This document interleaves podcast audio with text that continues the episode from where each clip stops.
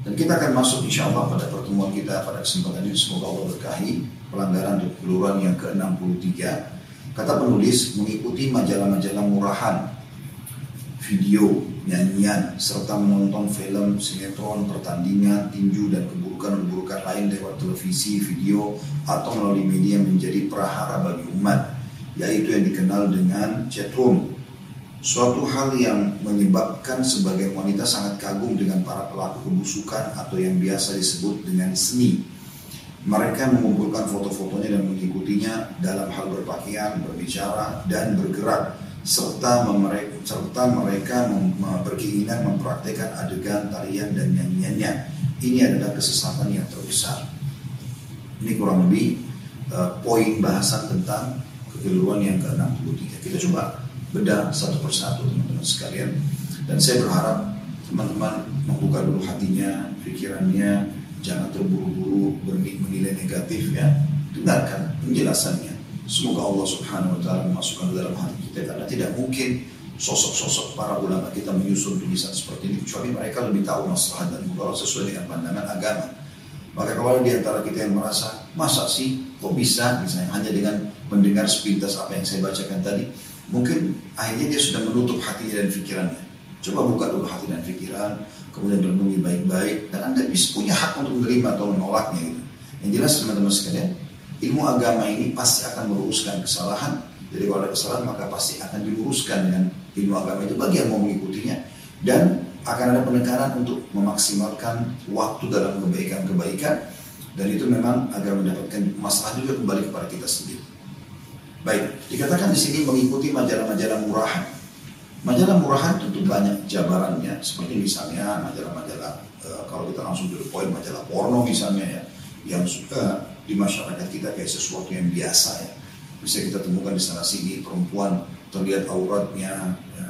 kemudian uh, menukil kisah-kisah tentang uh, perceraiannya, perselingkuhannya, menjadi pelakor dan segala macam hal. Uh, kemudian hancurnya rumah tangga dan akhirnya perebutan hak asuh anak, anak jadi terbengkalai dan segala macam hal yang banyak dinukil di media-media sekarang ya.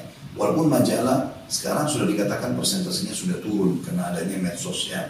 Tapi mirip kalau kita katakan majalah sekarang mungkin kita baca uh, di Twitter, kita baca di uh, Instagram, di Facebook, artikel-artikel di Google banyak ya, ataupun cuplikan langsung di YouTube. Semua ini teman-teman sekalian uh, mau nggak mau akan punya pengaruh kepada kejiwaan kita. Yang dimaksud dengan murahan di sini adalah karena tidak menyatakan manfaat sama sekali. Anda teman-teman sekalian punya uh, hal yang harusnya Anda nikmati. Bisa Anda nikmati. Yaitu semua yang halal. Ya. Dan semua yang mubah. Silahkan Anda nikmati. Halal berarti Allah halalkan. Gitu kan?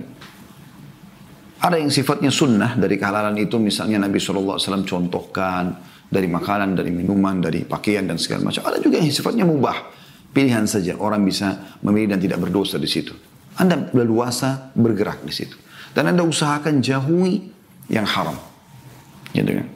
Dan Anda juga berusaha semaksimal mungkin tidak menyentuh yang makruh. Walaupun makruh itu sesuatu yang kalau dilakukan e, tidak berdosa tapi kalau ditinggalkan berpahala. Ya. Seorang muslim harus bagaimana mengisi daripada dia baca sesuatu yang tidak bermanfaat, dia baca yang bermanfaat misalnya. Kan gitu. Daripada Anda baca tentang kisah perceraian orang, pelakor, Anda baca tentang perselingkuhan, tentang perceraian, yang mau tidak mau akan berpengaruh kepada kejiwaan. Gitu ya. Nah itulah ini. Hal itu akan berpengaruh pada kejiwaan. Lebih baik Anda membaca hal yang bermanfaat. Yang jelas-jelas, insya Allah misalnya masalah ilmu, kisah tentang sahabiat, kita membaca teman-teman sekalian, Anda muslimah, terutama yang ikut acara kita ini, Anda membaca kisah setiap muslimah saja, ya semua istri-istri Nabi radhiyallahu anhunna sahabat-sahabat Nabi itu aja mungkin seumur hidup kita kita tidak akan bisa selesaikan karena banyaknya hikmah, banyaknya ilmu, banyaknya pengalaman, banyaknya keimanan, kisah keimanan yang bisa kita ambil. Gitu kan? Begitu juga kalau kita perluas lagi dengan kisah tentang para sahabat yang lebih banyak lagi yang laki-laki gitu kan. juga kisah-kisah mereka dan di YouTube pun Anda bisa temukan kajian kami tentang satu walaupun kami belum masuk membahas tentang sahabiat. Insya Allah ta'ala semoga Allah mudahkan nanti ke depannya kita akan bahas masalah itu. Maka dengan membaca artikel baik itu majalah, artikel ya atau apalah sifatnya makalah, ya buku-buku segala macam itu yang bermanfaat mau tidak mau akan ada pengaruhnya. Anda baca satu dua kisah, empat lima sepuluh kisah keimanan, taubatnya seseorang, ya sebagai baktinya seorang istri, ya, bagaimana uh, muamalah yang baiknya seorang suami, bagaimana uh, pendidikan anak, ya, bagaimana baktinya anak pada orang tua, bagaimana silaturahim dengan keluarga, bagaimana perjuangan-perjuangan orang-orang soleh dulu dalam menuntut ilmu, dalam berjihad, dalam segala macam banyak sekali. Dan itu teman-teman sekalian tidak akan mendatangkan kecuali manfaat buat kita. Tapi kalau kita baca sesuatu yang murahan, maka akan mengganggu kita. Ini mirip juga dengan yang datang selain dikatakan video. Kalau kita sekarang mungkin cuplikan gitu kan.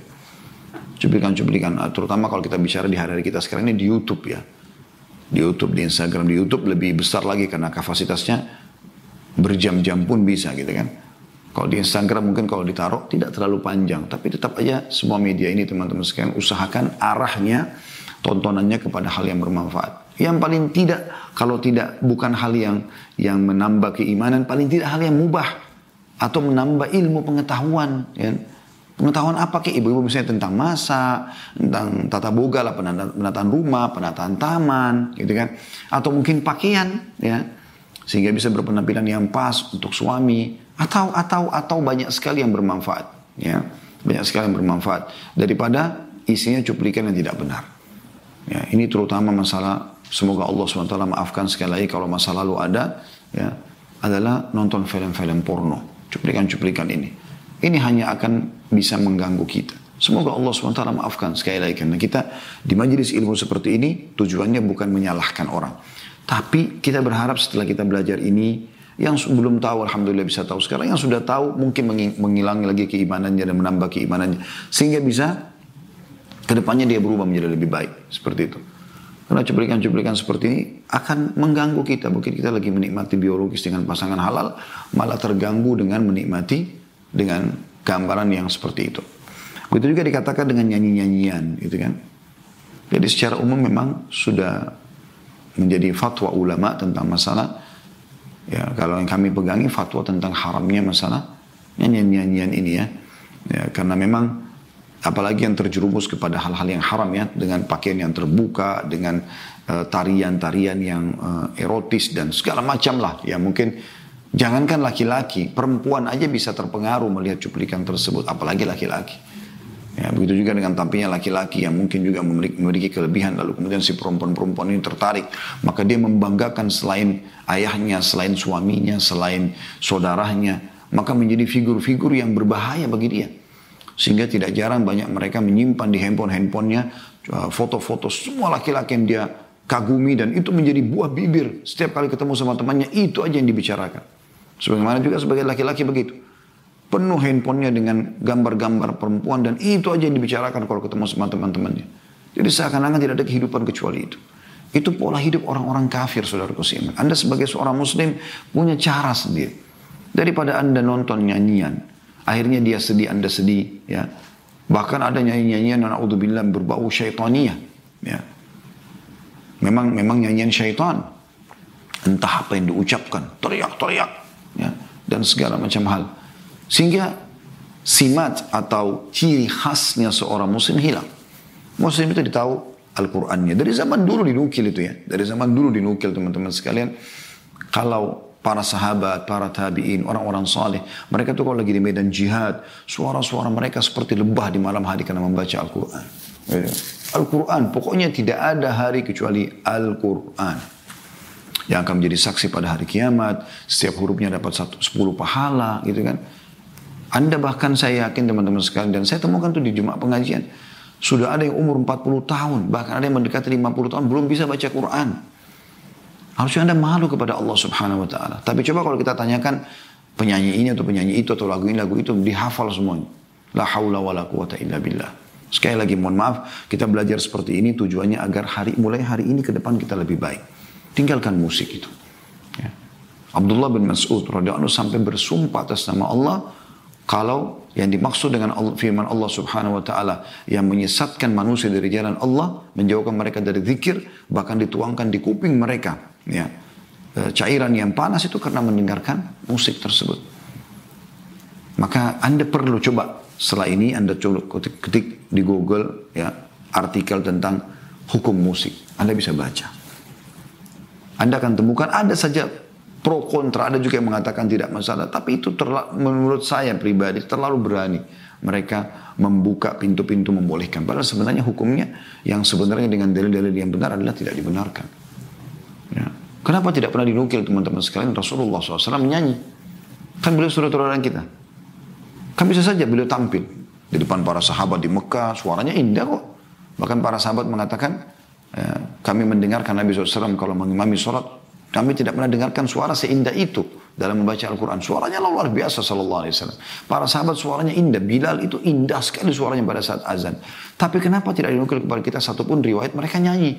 Mereka buat pentas, mereka buat panggung. Kan bisa, bisa saja. Pada saat itu ada. Dan alat-alat musik pada saat itu sudah terkenal di Persia, di Romawi. Mereka punya uh, kumpul-kumpul uh, kayak sekarang lah. Pesta-pesta sambil minum khamar, sambil musik-musik. Itu semua sepupu-sepupuan tuh. Ya. Makanya karaoke itu isinya apa? Musik pasti ada juga, minumannya pasti ada juga, perempuannya. Itu tidak bisa lepas. Anda kalau pakai hati nurani Anda, Anda akan terbuka pikirannya di situ. Coba renungi teman-teman sekalian. Dan bagi yang masih menjadi pecinta lagu, ya musik, saran saya, coba dalam seminggu mulai sekarang, coba terapi buat Anda sendiri, nggak ada ruginya mencoba kan gitu. Coba seminggu ini Anda tinggalkan sama sekali.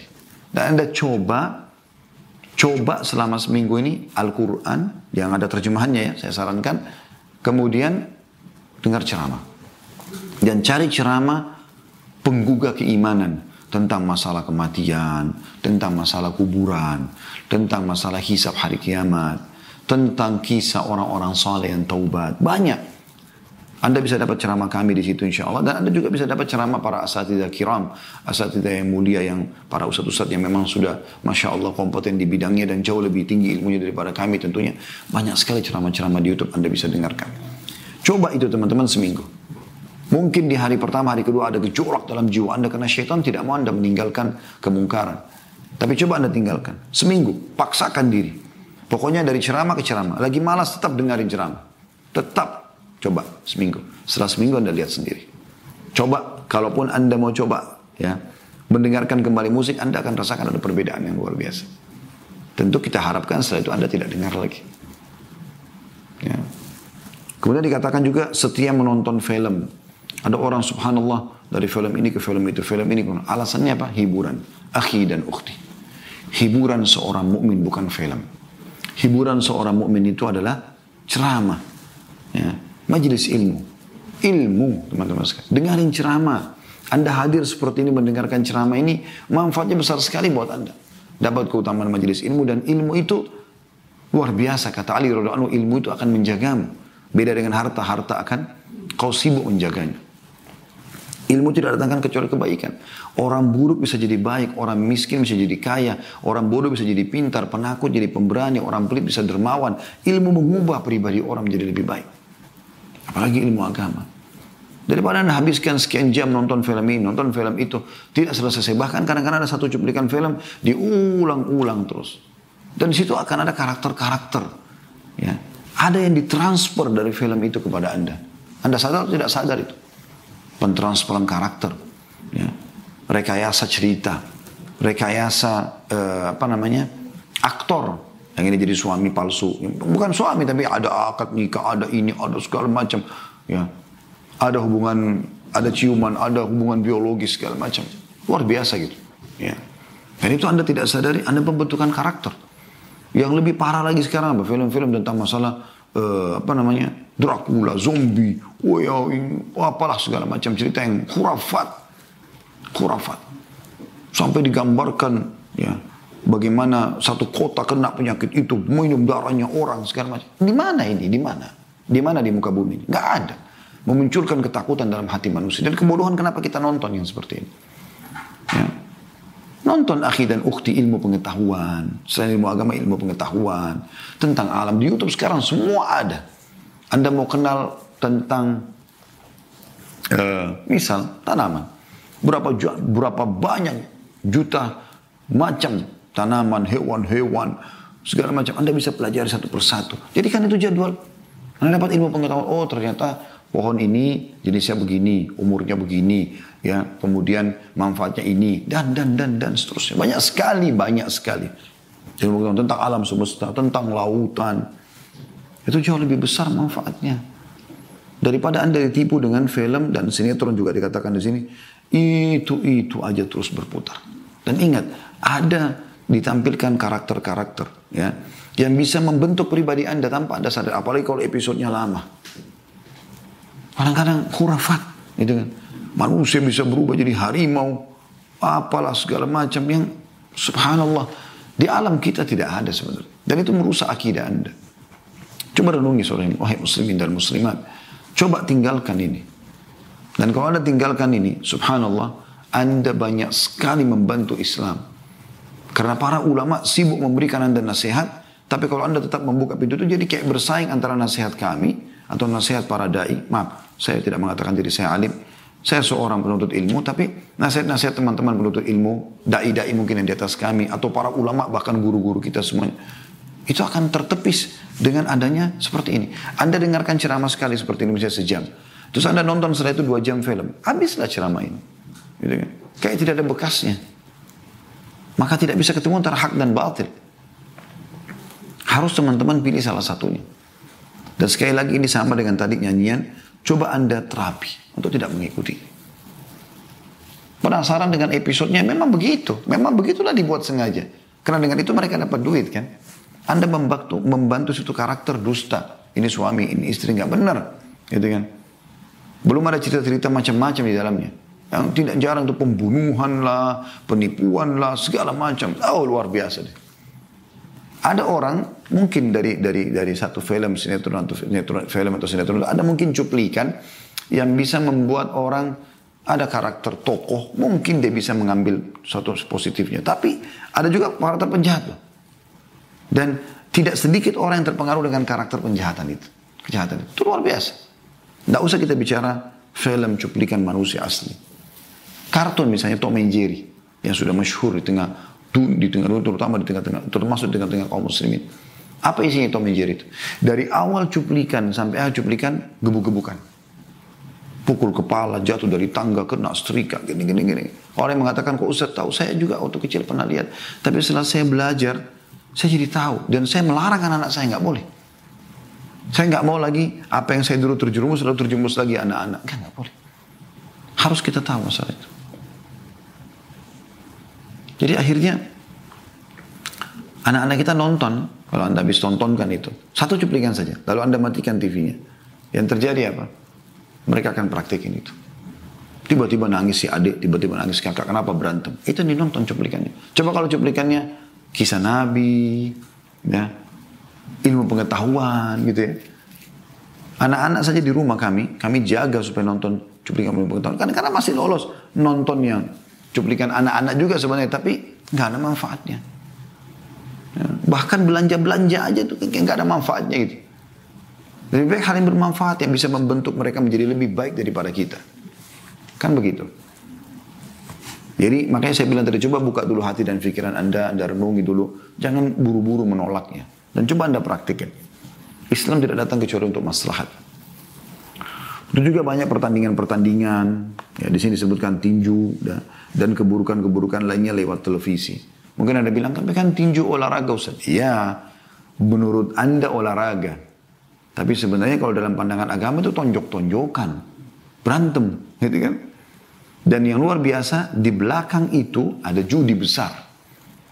Itu di belakangnya sponsornya banyak orang pejudi-pejudi dunia. Kan itu. Mereka pilih ini, mereka pilih. Jadi di belakang itu ada banyak kemungkaran yang terjadi. Sebaiknya Anda tinggalkan tentunya. Itu jauh lebih baik. Dan juga keburukan lain kata beliau, ya banyak hal-hal lainnya. Dan juga ada yang beliau mengatakan di sini termasuk juga tentang masalah yang dikenal dengan chat room. Mungkin ini di masa beliau. Sekarang juga sudah banyak sekali lebih berkembang lah ya. Orang kalau sekarang kita video call segala macam ya dengan lawan jenis ya. Sayang sekali. Saya ini saran saya saja, Bapak Ibu sekalian, kalaupun harus memberikan HP anak-anak, Anda harus bisa menjadi pengontrol terhadap HP tersebut. Harus diawasi.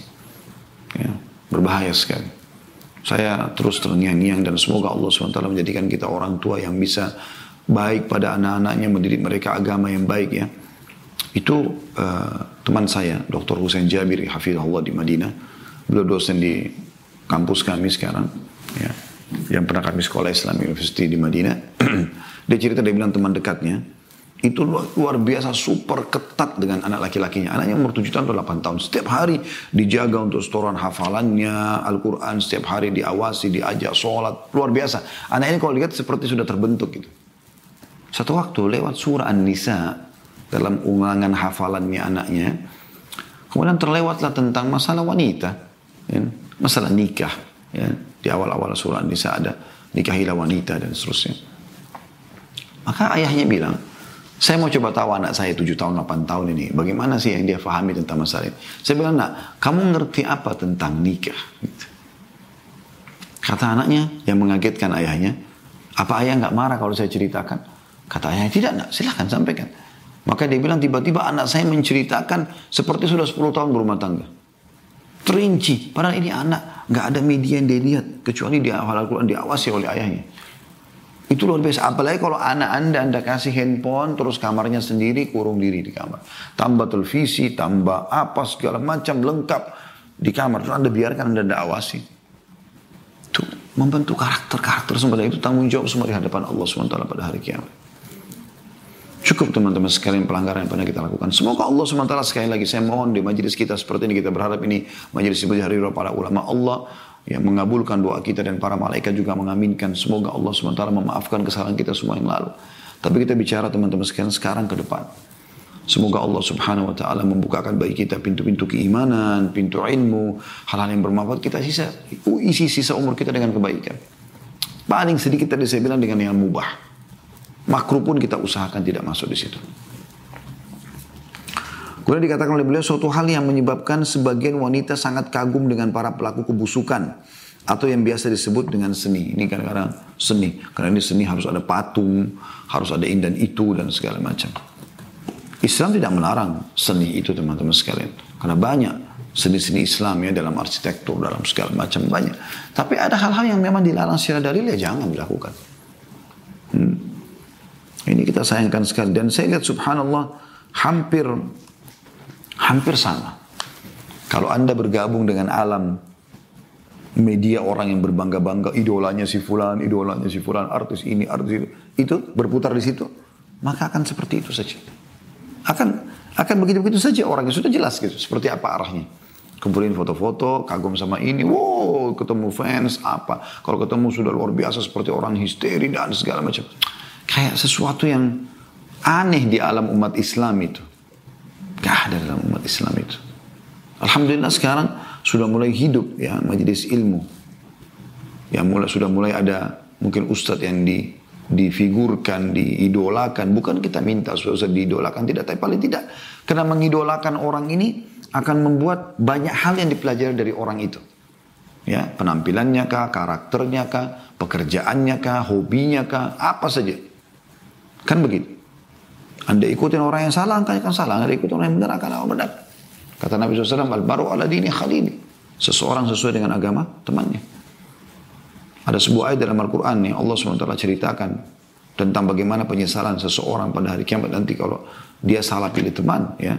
A'udzu billahi minasyaitonir yawma ya'dhu dhalimu ala yadayhi yaqulu ya laitani ittakhadtu ma'ar rasuli sabila ya laitani lam attakhidh fulanan khalila laqad adallani 'an ba'da idh al-ayah. Artinya akan ada orang hari kiamat nanti berkata, ya,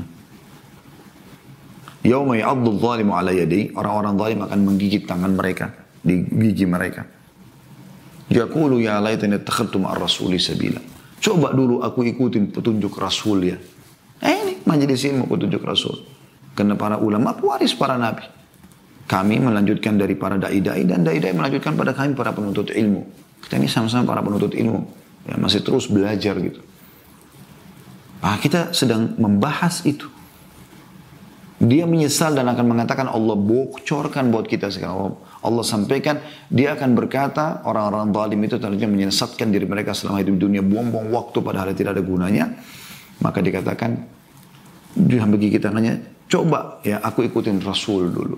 Sholat, puasa, zikir pagi petang, apalah segala macam. Dan dia juga berkata, coba aku tidak menjadikan si fulan sebagai temanku, teman dekatku karena dia telah menyesatkanku setelah datang kepada aku petunjuk. Sebenarnya ayat ini turun kepada salah satu tokoh orang Mekah ya. Tapi menjadi sebuah panduan untuk semua orang. Dikatakan mereka mengumpulkan foto-fotonya dan mengikutinya dalam hal berpakaian, berbicara, bergerak, serta mereka berkeinginan mempraktekkan adegan, tarian, dan nyanyiannya. Ini adalah kesesatan yang terbesar. Karena kapan Anda sudah mengidolakan uh, sosok figur tertentu, teman-teman sekalian, anda tidak bisa membohongi diri, Anda akan terpengaruh dengan pribadinya. Ya. Karakternya, hobinya, warna kesukaan, makan kesuka, makanan kesukaan segala macam. Ya. Makanya kan public figure itu biasanya mengatakan, oh ini makanan kesukaan saya, orang pada ikut. Oh ini minuman kesukaan saya. Iklanin masalah baju ini, endorse ini dan segala macam. Orang jadi ikut. Karena kan dia figur. Dia figur. Tapi insya Allah kalau anda jadikan idola anda adalah figur seorang alim, ulama, ahli ibadah. Kalau yang masih hidup anda merasa masih kurang, ada yang sudah mati banyak sekali dari nabi para nabi-nabi. Ada 25 nabi dan rasul. Puncaknya Nabi Muhammad SAW. Sejarahnya luar biasa indahnya. Luar biasa. Saya biar bolak-balik baca dari awal sejarah sirah Nabi sampai beliau meninggal. Ulangi lagi. Gak pernah merasa bosan. Dan selalu saja ada ilmu baru yang kita dapatkan. Belum lagi orang-orang yang datang beriman pada beliau. Kita teman-teman sekalian tidak akan pernah kehilangan uh, sesuatu, kekurangan sesuatu dengan mempelajari mereka. Bahkan mendapatkan banyak manfaat. Kata Abdullah bin Mas'ud, belajarlah dari orang yang sudah dahulu meninggalkan, meninggal dunia. Karena mereka sudah sudah terbukti sampai mati itu dalam keadaan baik. Dan jangan belajar dari orang yang masih hidup. Maksudnya jangan mengambil contoh-contoh dari mereka karena bisa saja dia berubah. Dia belum kita belum tahu mungkin akhir hidupnya seperti apa.